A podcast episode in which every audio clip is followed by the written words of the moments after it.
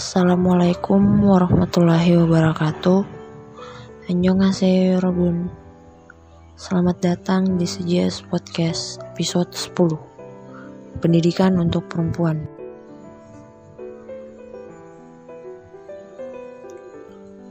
Dalam buku Islam yang saya pahami karya Abi Quraisy mengatakan Sejak zaman Rasulullah Shallallahu Alaihi Wasallam, perempuan telah aktif, masing-masing sesuai dengan kemampuan dan kecenderungannya, serta sesuai pula dengan kebutuhan atau kebutuhan masyarakatnya. Mereka terlibat dalam kegiatan sosial bahkan politik. Nah, di sini kita bisa lihat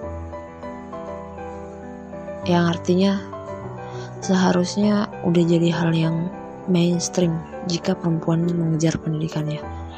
Namun, ya masih ada saja pendapat lain tentang itu yang sering kita dengar. Kayak gini. Perempuan ngapain sekolah tinggi-tinggi toh ujung-ujungnya bakalan di dapur juga. Ya, it's okay. Kalau pikiran kayak gitu masih ada karena kita bukan Tuhan dari pikiran orang lain. Kita bisa tanggapi itu dengan kalimat ini. Mereka hanya belum tahu aja. Responnya gitu aja. Kurang lebih 80% gen ibu turun ke anaknya.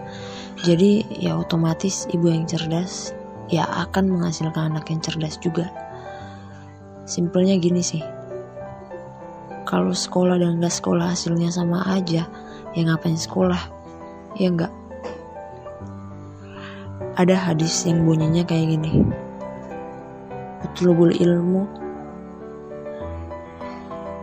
minal mahdi ilal lahdi.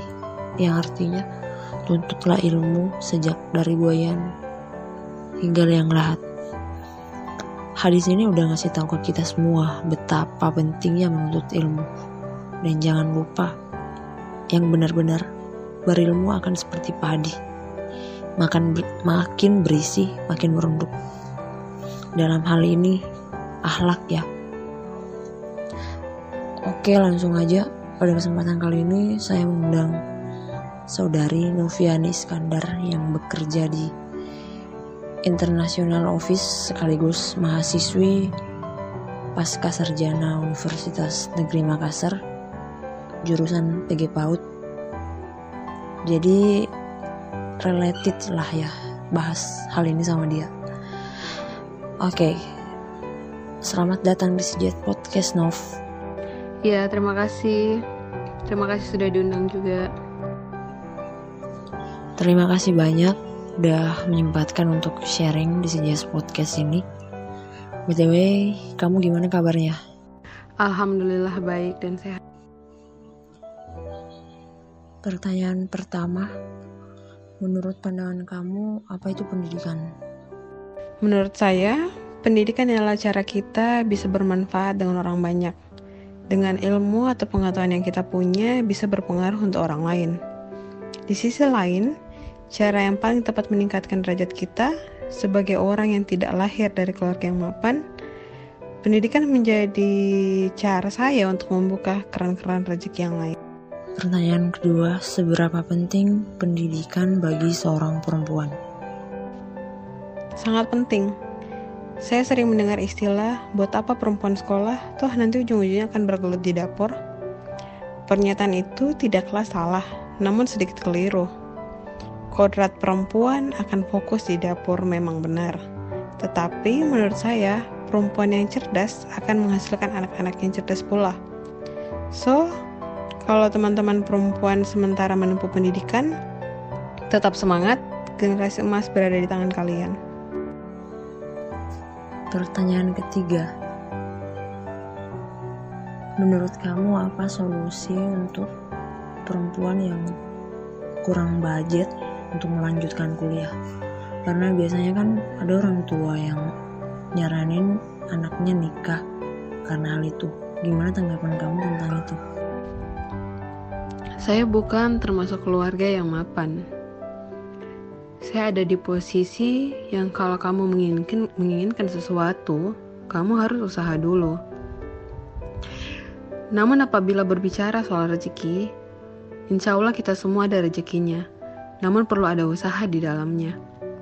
Saat ini beasiswa sangat banyak dan terbuka untuk semua masyarakat Indonesia. Sisa bagaimana kita mengeksekusinya. Tambahan, saya tidak mengatakan menikah tidak baik karena tidak kuliah. Karena siapa tahu saja setelah menikah, yaitu salah satu penyempurnaan agama, siapa tahu rezekinya terbuka dan alhamdulillah pasangannya dapat membiayai kuliah atau mungkin bisa membuka sekolah. Hmm, pesan saya, berpikirlah yang baik-baik agar bisa jadi yang baik pula. Pertanyaan keempat, pendidikan dulu atau nikah dulu? Pendidikan dulu atau nikah dulu? Hmm, ini tergantung situasinya. Menurut saya, dan dalam konteks kondisi saat ini, saya memilih pendidikan terlebih dahulu karena beberapa alasan seperti belum ada yang benar-benar serius dalam hal ini siap untuk melangkah ke jenjang selanjutnya. Saya berpikir kalau kita menikah bukan soal kamu dan saya, tetapi kita dan mereka, yaitu keluarga besar. Kedua, seperti yang saya bilang tadi, rezeki memang sudah diatur. Alhamdulillah, keran rezeki saya dalam hal finansial mampu untuk membiayai saya kuliah. Jadi saya rasa ini adalah petunjuk dari Allah. Semoga. Pertanyaan kelima, pacaran halal. Hal itu yang memotivasi anak zaman now nikah muda tanpa benar-benar tahu makna pernikahan yang sebenarnya. Apa tanggapan kamu tentang nikah muda pada zaman now? Saya setuju dengan pacaran halal dan saya juga setuju dengan menikah muda.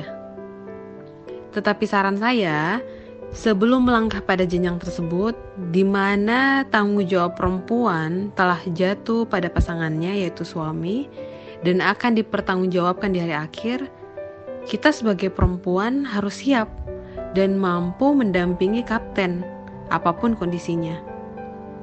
Ketika kalian bilang siap, berarti siap menerima seluruh kelebihan maupun kekurangannya. Menikahlah memang karena siap, bukan karena ikut-ikutan ataupun bukan karena mau menghindari beban pertanyaan dari keluarga. Pertanyaan keenam, hal-hal apa yang pengen kamu sampaikan ke publik tentang pendidikan untuk perempuan? Untuk semua perempuan, semangat. Pendidikan saat ini tidak berfokus kepada laki-laki saja, kita bisa lihat di beberapa tempat kesetaraan gender dalam instansi sudah diterapkan. Namun kita sebagai perempuan juga harus berpendidikan agar tetap eksis. Tambahan, salah satu beasiswa yang terkenal di Indonesia memprioritaskan perempuan dalam penerimaannya. Banyak-banyaklah mencari informasi. Quote untuk seluruh perempuan yang sedang berjuang dalam pendidikan dan yang sedang berjuang untuk melanjutkan pendidikan.